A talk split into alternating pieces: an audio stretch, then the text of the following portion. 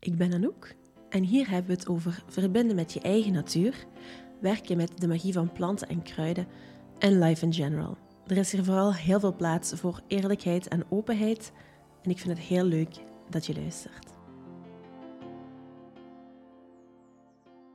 Hey hey, wat fijn dat je er weer bij bent. Vandaag ga ik voor een iets praktischere aflevering en ga ik je vertellen hoe wij onze makkelijke moestuin hebben opgezet, waarom we voor een makkelijke moestuin hebben gekozen en wat dat ik daaruit geleerd heb. Op die manier ga ik de podcast ook een beetje aanpakken. Soms zijn het persoonlijke verhalen van de innerlijke wereld en soms is het natuurwerk met de handen en het hoofd. Makkelijke moestuin klinkt als muziek in mijn oren en ik hoop ook in die van jou. Want toen ik ehm, nog in Hasselt woonde, in mijn duplex, wou ik heel graag een moestuin. Maar uh, ja, goed. Ik had een terras, niet ideaal. En dat terras lag ook nog eens in de schaduw. Dus uh, ja, nee, ging niet. En zeker geen grote moestuin. Maar ik had graag wel een paar uh, groentjes of fruitplantjes gehad. Toen wij dan ons huis kochten en wij onze tuin eindelijk hadden, yes, let's do it. Het eerste jaar dat we hier woonden, hebben we ons gewoon wat geacclimatiseerd en zat ook in mijn burn-out, waardoor het heel moeilijk was om dat er nog bij te nemen. Vorig jaar kon ik aan de slag. Die moestuin heeft mij helpen helen, echt waar. Werken met de natuur, werken in de natuur, dat is uh, ja, onbeschrijfelijk wat dat met iemand doet. Met mij alleszins heel veel op een heel positieve manier makkelijke moestuin, want ik werk niet graag heel lang aan iets. ik kan heel enthousiast zijn over iets, maar als het dan op een lange termijn veel tijd in beslag neemt, dan haak ik nogal eens af. Oepsie. En dat zou met moestuinieren niet anders geweest zijn. Hè? Want toen ik zei van nou, ik wil een moestuin, Anouk, een moestuin, dat is veel werk, hè? Heb je daar eens over nagedacht? is dat zo? Mm, mm, ja, ik was sceptisch tot ik het boek vond. Makkelijke moestuin of vierkante meter uh, moestuinen. Daaronder kan je dat ook vinden. En uh, beloofd in de inleiding was maximum 10 tot 15 minuutjes per dag. En ik zei verkocht. ik wil dit boek. het was, uh, en het is ook wel gebleken, het is effectief wel op die manier. Ik, ja, las me erin in en ik, ik, was, ik was ermee weg. Het principe is dus eigenlijk dat je met verhoogde bedden werkt, of zo mooi in het Engels raised beds. Waarom? Dat is eigenlijk de meest ecologische manier, want bovenop de bestaande grond werken wil zeggen dat je niet moet ploegen, niet moet spitten. Want in onze bodem, daar leven ja, ontelbaar veel micro-organismen die wij gewoon hun ding willen laten doen. Laat dat met rust, want die voeden jouw bodem en die zorgen ervoor dat jouw bodem oké is. Er zit ook CO2 in onze bodem. Ook die CO2 laat je het liefste in de bodem. We hebben al genoeg CO2 in de lucht. En dat betekent dan de no-dig-methode. Niet spitten, no-dig in het Engels. Raised beds, Anouk, hoe dan? ja, met een houten kader. Ik zal heel specifiek hier nog een post over maken op ons blog waar dat het veel uh, visueler uitgelegd kan worden met foto's en tekeningen, dat ik hier natuurlijk moeilijk kan auditief brengen. Dat houten kader dat maakten wij eh, liefst zo duurzaam mogelijk. Zijn wij perfect? Nope. Willen wij wel zoveel mogelijk ons best doen om rond duurzaamheid te werken? Yep. Dus hout. Ja. -hmm. Aan het nadenken ja, willen we behandeld hout? Hè? Want dat is dan vaak behandeld hout vanuit Europa of van België. Nee, liever niet. Uh, daar komt een aanraking met onze voeding. En ik wil liever zo zuiver mogelijk eten. Toch zeker als ik het dan ook zelf groei. Ik probeer niet te veel vuiligheid in mijn lichaam te krijgen. Behalve koekjes en frietjes. Want I love frietjes and I'm not sorry. maar voor de rest, als het over mijn groenten gaat, wil ik dat ze zo gezond mogelijk zijn. Het is geen behandeld hout. Dan denken we natuurlijk onmiddellijk aan hardhout. Dat is tropisch. Dan uh, past dat niet echt in het duurzaamheidsverhaal. Zitten opzoeken, lezen en dan kwam ik uit bij kastanjehout. En dat is, uh, dat is hardhout. Dat hoeven we niet te behandelen. En het kwam, waar ik het gevonden had, uit Frankrijk. En meer specifiek, dat waren kastanjebomen die groeien op heuvels, waar eigenlijk een bos geen kans maakt. Dus wanneer dat die bomen te groot zouden worden, zouden ze vanzelf ook omvallen. Die worden op een bepaald moment dus omgehakt en dat hout wordt gebruikt. Daarbovenop is het fantastisch, want uit een kastanje, een omgehakte kastanjeboom, daar groeit dus echt gewoon een nieuwe kastanjeboom uit. En we kunnen het beamen, we hebben het zelf ook gezien in onze tuin. Dat is echt heel bijzonder. Dus dat is een mooi systeem, een mooi circulair systeem. En we zitten dan met transport en zo verder, wat wel te verantwoorden valt in de big picture. Ook daarover uh, wat meer uitleg. Ja, waar heb ik dat gehaald? Dat vraag je je dan misschien af. En ik uh, besloten om geen teksten uit te schrijven als ik podcasts opneem, omdat ik zo niet werk. En natuurlijk kom ik dan nu wel in de problemen als ik het heb over waar ik mijn kastanjehout gekocht heb, omdat ik dat dan niet goed onthouden heb. Maar ik geloof dat het Ecomat was waar dat ze dit specifieke kastanjehout verkopen. Maar ook dat zal je kunnen lezen in de blogposten, want ik zal het opzoeken. Afmetingen van jouw bak, die kies je eigenlijk zelf. Maar allez, toen ik net zei, makkelijke moest een vierkante meter, dan haalt het aan dat een vierkante meter systeem het meest ideale is. Nu, ik zou zeggen, ga niet meer dan een meter in breedte, maar je zou wel in de lengte het langer kunnen maken. Waarom? zodat je zo goed mogelijk wel aan al jouw planten kan. Dat is eigenlijk waarom het in een vierkante meter systeem zit. Je kan langs alle kanten aan alle planten en ook in het midden. Want er komt natuurlijk niet één plant in je bak. Jouw bak wordt onderverdeeld in vakjes van 30 op 30. Ik heb dat dan ook um, visueel gemaakt door er een roostertje op te leggen, eigenlijk met bakjes, uh, vakjes in 30 op 30. In elk vakje ga je andere dingen zaaien je werkt van vooraan waar uh, je dan zaait met de laagste planten, zal ik zeggen, en naar achter toe, naar hogere planten of naar klimplanten toe. Waar we wel rekening mee moesten houden met de makkelijke moestuin, is dat we niet zomaar alles daarin kunnen planten. We moesten wel rekening houden met de omvang natuurlijk van onze bakken. Wij zijn voor twee bakken gegaan in het eerste jaar. Dat betekent bijvoorbeeld voor courgettes. Je kan courgettes zaaien in, of ja, voorzaaien en dan planten in een makkelijke moestuinbak. Maar je kan, dat niet, uh, je kan niet de gewone courgettes planten. Je gaat voor de klimcourgettes, omdat een gewone courgette veel plaats in beslag neemt. Dan ideaal is, hè, naar aanleiding van die vakjes. Je wilt jouw ruimte zo optimaal mogelijk gebruiken. Maar je kan wel heel gemakkelijk met een klimcourgette werken, die in de hoogte groeit dus. We hebben ook tomaatjes geplant en zo verder. Dus er zijn zeker mogelijkheden. Terug naar die bakken. Oké, je hebt je bakken staan, je vakken. Ja, oké, maar dat staat dan op die grond. Ja, daar moeten we inderdaad nog iets aan doen. Dan denken we misschien snel aan een worteldoek. Maar als je terugdenkt aan wat ik uh, enkele minuten eerder zei over het behandeld hout, is het ook niet ideaal om dan aan de slag te gaan met worteldoek en plastic, dat wil je niet in de aarde, dat wil je niet in je voeding. Daarom zijn wij voor karton gegaan. Gewoon bruin karton, zoals rond meubels zit en zo verder. Dus niet het behandelde karton, niet met een plastic folietje over of gebleached of geverfd. Gewoon bruine karton. En via Sustainable Family las ik ook de tip om bijvoorbeeld naar een fietsenmaker te gaan of een fietsenwinkel en daar karton te vragen. Nu, wij hadden nog heel veel dozen over van verhuis en ook van een kledingzaak, dus wij konden dat gebruiken. Dat komt eigenlijk op de bodem te liggen en dat werkt beter, vind ik persoonlijk, dan een worteldoek. De tijd dat het karton nodig heeft om ja, te verdwijnen eigenlijk in de aarde of, of, of opgelost, ik weet het niet hoe ik het moet omschrijven, is even lang als de tijd die onkruid of zelfs gras, want je kan ook op gras leggen, nodig heeft om volledig af te sterven.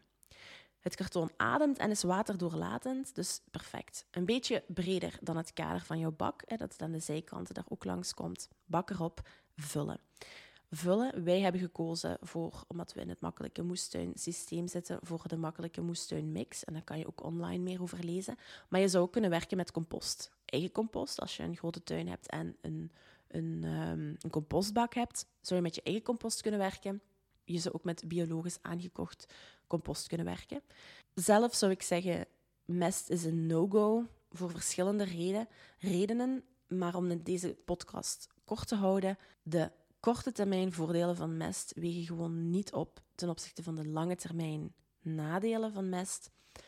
En daarbovenop, stel nu dat jij jouw moestuin klaarzet, opmaakt in het najaar of in, in de winter ja, als je dat gaat vullen met mest, is het gewoon al eigenlijk de voedingsstoffen die er in mest zouden zitten, zijn eigenlijk al verdwenen tegen de tijd dat jouw planten de voeding echt nodig hebben. Met compost is dat niet het geval.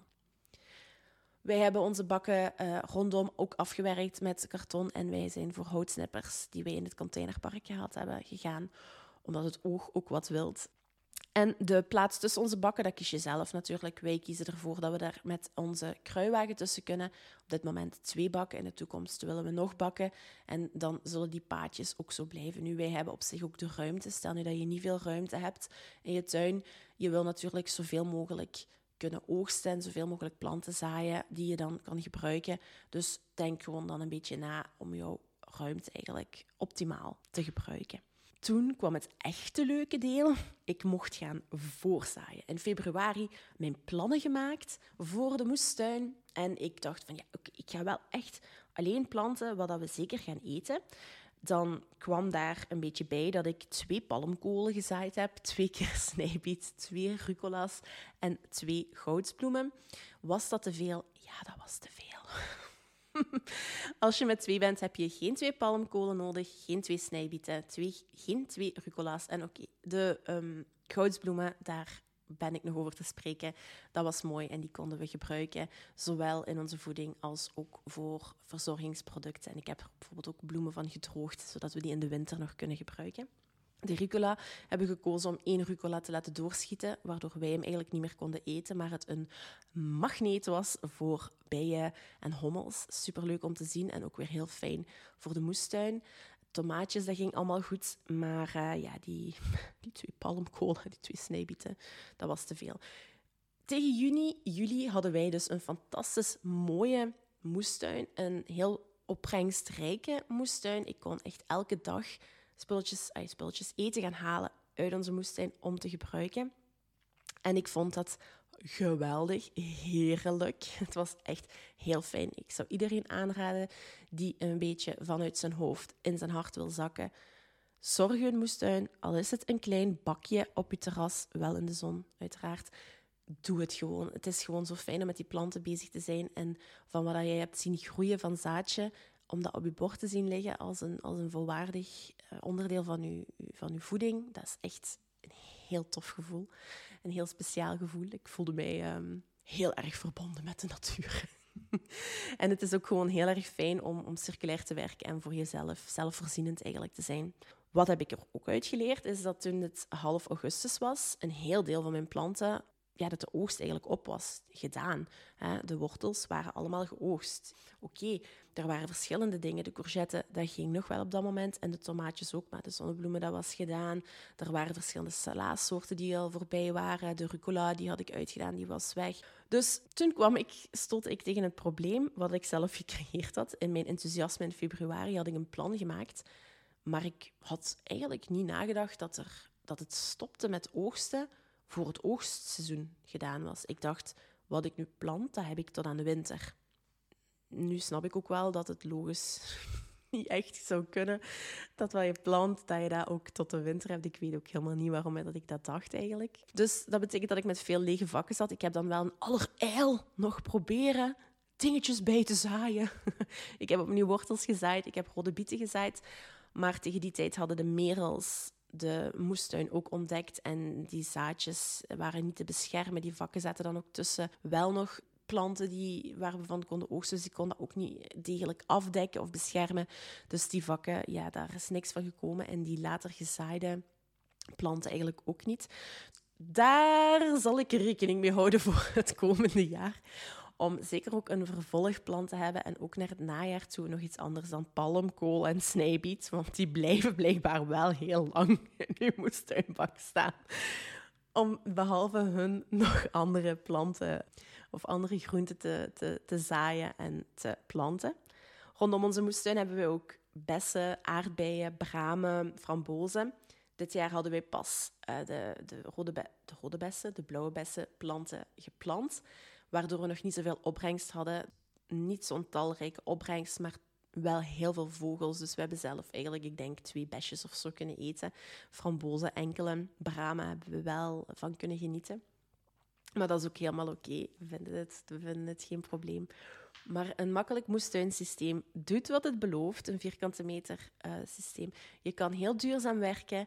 Ja, het is een investering. Ik ga daar niet over liegen wanneer je de bakken zelf maakt. Um, of je zou ze aankopen, maar je, je maakt het. Dus dit, kost wel wat geld. Je moet er tijd in investeren om het ineen te zetten. De makkelijke moestuinmix, want wij hebben die gekocht omdat wij nog geen compost hadden. Dat, dat is ook uh, niet gratis, uiteraard. Maar je moet dan ook denken, die aarde die je koopt, die heb je. Die gaat niet weg. We moeten dat hoogstens... We, willen, we zijn nu wel bezig met compost. Uh, we hebben nog geen compost, maar we zijn er wel mee bezig. Dus die zouden wij dan gewoon kunnen gebruiken om, om de bakken elk jaar met een, een paar centimeter aan te vullen eigenlijk. Dus we hoeven niet elk jaar te investeren. Het is enkel met het opstarten dat je wel een investering doet. Dus daar moeten we wel eerlijk over zijn. Maar je start zo klein of zo groot als je zelf wil en als je zelf kan. En het is een aanrader. Echt waar. Vanuit uw hoofd in uw hart zakken, in uw lijf zakken. Moestuinieren. ik, nu is het stil in de moestuin. Ik heb mijn moestuin helemaal in orde gemaakt. Die is winterklaar. Die laat ik ook helemaal met rust nu. De merels niet. Nee, de merels zijn nog altijd te vinden in de moestuin. Dus ik ga wel naar volgend jaar toe eventjes moeten nadenken hoe ik uh, dat een beetje ga beperken. Want alle zand rondom de moestuinbak is niet zo tof, of alle aarde. Maar dat, dat, komt ook wel goed. Dus nu is het in rust. Ik ben nu ook niet bezig in mijn hoofd met mijn moestuin. Ik kijk soms wel een keertje online. Ik volg wel wat leuke accounts rond moestuinieren. Maar tegen februari begin ik met mijn plan. Ik heb opnieuw zaden besteld. Dat heb ik wel gedaan. Uh, enkele andere dingen, want breng toch, ja, plant wat je eet, maar breng voldoende variatie in je voeding. Ik denk dat ik niet nog eens de palmkool moet aanhalen. Heel lekker, maar ik heb het even gehad met palmkool.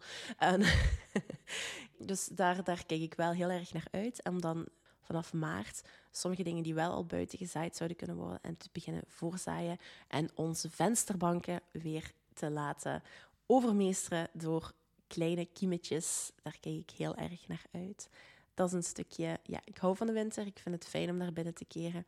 Maar terug buiten zijn en in de tuin zijn, daar kijk ik ook heel erg naar uit. En terug zelf voorzien in onze voeding. Het was al een meer praktische aflevering. Ik hoop dat je er iets aan gehad hebt, dat je het leuk vindt. Ga zeker ook eens kijken op onze website of via onze Instagram-account, waar je ook wel van alles terug kan vinden rond onze moestuin en het maken van onze uh, moestuin, hoe dat, dat dan precies uitziet. Raad ik je zeker aan. Uh, heb je vragen? Mag je mij die stellen? Ben ik een expert? Nope. Wil ik mijn best doen en leer ik bij? Yup. Dus ik kan je misschien wel al verder helpen, zeker met beginnersfouten. Of jou doorverwijzen naar meer ervaren personen. Dat kan ik ook. Heel fijn dat je er vandaag bij was.